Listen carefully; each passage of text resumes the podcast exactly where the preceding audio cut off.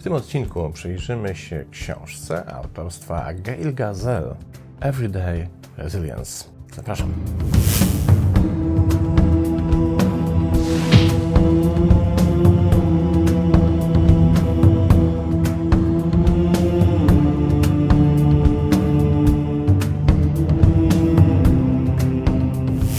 Jak zwykle na początek spróbujmy się dowiedzieć, kim jest autorka książki. Gail Gazelle jest doktorem medycyny z 30 latami lekarskiej praktyki. Obecnie jest też adiunktem w Harvard Medical School oraz certyfikowanym nauczycielem mindfulness. Integruje neurobiologię, praktyki uważności i inteligencję emocjonalną, aby pomagać ludziom rozwijać się i zwalczać problemy. To dało się wyczytać z jej noty biograficznej zamieszczonej na Amazonie, gdzie książka Codzienna odporność sprzedaje się naprawdę jak świeże bułeczki. I dzisiaj, prawdę powiedziawszy, trochę dokonamy odstępstwa od reguły. Ta książka jeszcze nie miała szans ukazać się w Polsce, dlatego że jej premiera to sierpień 2020 roku, czyli zaledwie kilka miesięcy temu. Ale mam jakieś dziwne przeczucie, że w Polsce jej długo, długo nie zobaczymy, bo pewnie umknie zainteresowaniu wydawców, a szkoda, i stąd też ten wybór, żeby się tą książką zająć. Książka dotyczy rezyliencji. To już chyba druga pozycja w tym cyklu książek, która mówiła o naszej psychologicznej i mentalnej odporności. Ten termin robi rzeczywiście na świecie dzisiaj sporą karierę, zresztą nie tylko na świecie, bo w Polsce się coraz częściej również pojawia w wielu tematach blogów, gazet czy też innych miejscach, które prezentują artykuły o naszych systemach psychologicznych i emocjonalnych. Ale warto przy okazji przyjrzeć się, skąd się w ogóle wzięło pojęcie odporności, dlaczego jest takie ważne i dlaczego tak często, coraz częściej tą rezyliencję się, się wymienia. Otóż zwróćmy uwagę, że oprócz wszystkich tych nauk, które pobieramy na różnych etapach naszej edukacji w najprzeróżniejszych szkołach, jednej rzeczy, której na pewno nas się nie uczy, to posiadanie odporności psychologicznej na różne życiowe zakręty, porażki, te rzeczy, które nie zawsze pozytywne są i w naszym życiu się przydarzają. Samo zaś pojęcie rezyliencji wzbudziło zainteresowanie świata nauki zupełnie niedawno, bo to jest bodajże z tego co pamiętam rok 2003. A wzięło się to wszystko z badań, zadziwiających badań, wykonanych ich Początek miał miejsce w 1955 roku i badania te prowadzono przez 40 lat. Prowadziła te badania, zerknę sobie do notatek, żeby nie przekręcić nazwiska, Emma Werner z Uniwersytetu Kalifornijskiego wraz z miejscowym psychologiem, który praktykował na wyspie Kauai w archipelagu Hawajów. To jest wyspa, która liczy sobie około 60 tysięcy mieszkańców. I cóż ta dwójka badała? Otóż postanowili przyjrzeć życiu wszystkim dzieciom urodzonym na wyspie w roku 1955 i śledzić ich rozwój zarówno psychologiczny, jak i fizyczny przez, uwaga, 40 lat. Wyobraźcie sobie potęgę tych badań. Oni utrzymywali kontakt z badanymi przez 40 lat, śledząc to, co się w ich życiu dzieje. Okazało się, że wśród tej próby dzieci, całej populacji dzieci z tego 55 roku, istniał spory procent dzieci, które wychowywały się w warunkach dość nieprzyjaznych, albo w biedzie, albo w rodzinach dysfunkcyjnych, w rodzinach patologicznych, w rodzinach, które miały problemy z alkoholem, czy też w ogóle w jakichś warunkach niesprzyjających zdrowemu rozwojowi. I ci badacze nagle zwrócili uwagę, że w tej grupie tych dzieci, które mają naprawdę w życiu podgórkę, nie wszyscy sobie z tym jednakowo radzą. Okazało się, że istnieje pewna grupa dzieciaków, które potrafią się świetnie rozwijać, radzić sobie w szkole, a potem osiągać życiowe sukcesy, mimo tego, że te warunki, które ich dotyczyły, które ich otaczały w, w momencie ich wzrastania i w momencie, dzieci, momencie dzieciństwa, były dla nich bardzo, bardzo nieprzyjazne i negatywne. I teraz naukowcy zaczęli zadawać sobie pytanie, od czego to zależy, że jeden dzieciak, mimo tego, że ma naprawdę przerąbane i pod górkę, potrafi to pokonać i potrafi w życiu osiągnąć sukces i powiedzielibyśmy kolokwialnie wyjść na prostą, podczas gdy inne dzieciaki tego nie potrafią. Od czego to zależy? I wówczas Emma Werner założyła taką tezę, że musi to mieć związek z jakimiś cechami wrodzonymi, że mamy, część populacji ma określone wrodzone predyspozycje do radzenia sobie z przeciwnościami losu. I tę cechę, tych predyspozycji Emma Werner, autorka tych bardzo niezwykłych i przełomowych badań, nazwała właśnie rezyliencją, czyli odpornością. To słowo moglibyśmy przetłumaczyć na bardzo wiele różnych innych terminów, bo znaczeń słowa resilience jest, jest naprawdę sporo. To jest zarówno giętkość, sprężystość, ale przyjmijmy, że chodzi tutaj o taką odporność, czyli to jest takie umiejętność wstawania po upadku, czy umiejętność radzenia sobie po porażce, umiejętność radzenia sobie z przeciwnościami losu. I kiedy zaczęto badać życie tych dzieciaków, porównując, a później już dorosłych osób, porównując je z innymi, zaczęto dostrzegać pewne wyznaczniki, które mogły być odpowiedzialne właśnie za zestaw takich cech związanych z tą odpornością. I te, sięgając do tych badań dawnych, one zostały opublikowane w 2003 roku po raz pierwszy, więc zebrano to całościowe wnioskowanie w jedną publikację. I tam dowiedzieliśmy się, że te czynniki mające wpływ na rezyliencję to są po pierwsze umiejętność rozwiązywania problemów, po drugie pozarodzinne wsparcie emocjonalne. Co to oznacza? To oznacza, że na etapie naszego wzrostu, wychowania, również w dzieciństwie, otrzymujemy wsparcie emocjonalne nie tylko w rodzinie, ale również od osób spoza tej rodziny. To mogą być zarówno nasi rówieśnicy, jak nauczyciele, mentorzy i tak dalej. Ale generalnie chodzi tutaj że ten, o to, że ten strumień emocjonalnego wsparcia nie jest ograniczony tylko i wyłącznie do wpływów rodzinnych.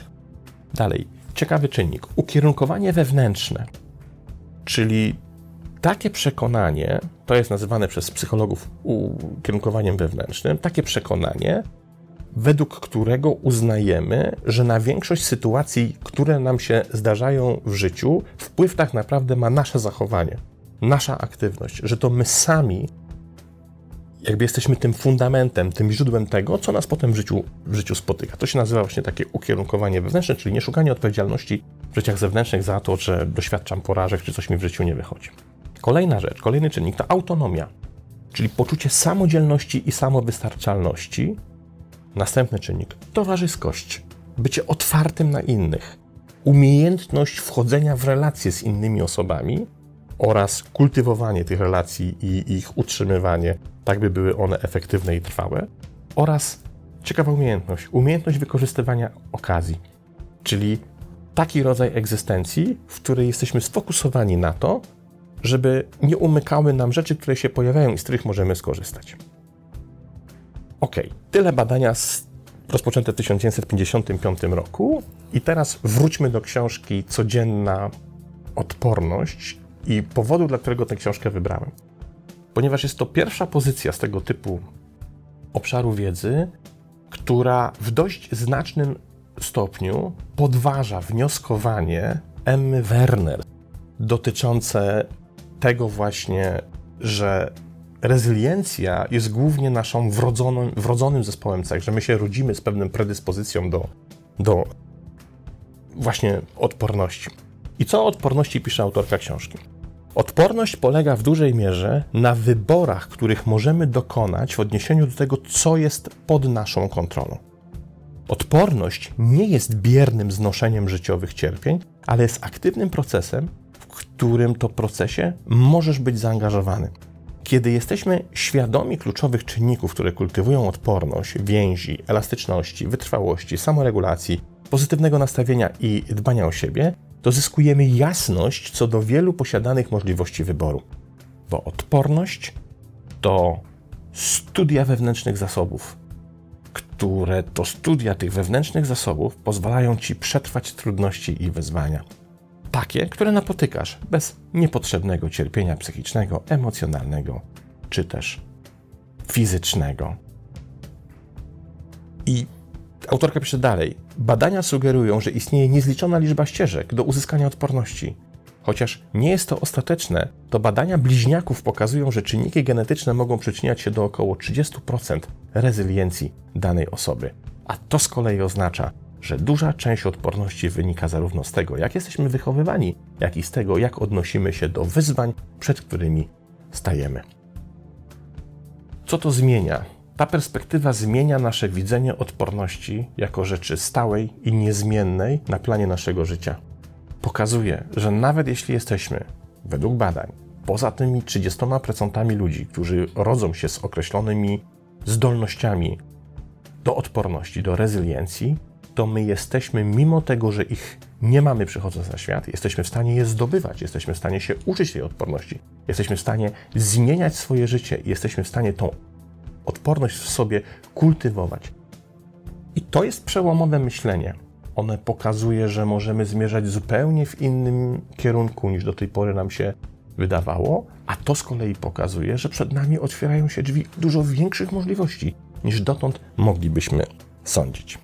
Autorka książki pisze dalej.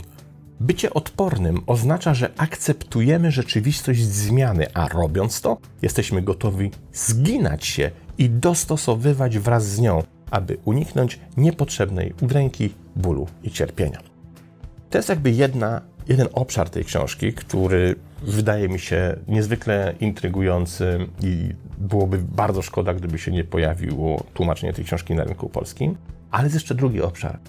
Otóż autorka sięga do buddyzmu i to jest rzadkie. Dlaczego? Dlatego, że ci autorzy, którzy zazwyczaj w swoich książkach o psychologii piszą o buddyzmie, to są albo buddyści, albo nowi wyznawcy buddyzmu, albo ludzie, którzy są z buddyzmem w jakikolwiek sposób emocjonalnie, indywidualnie związani.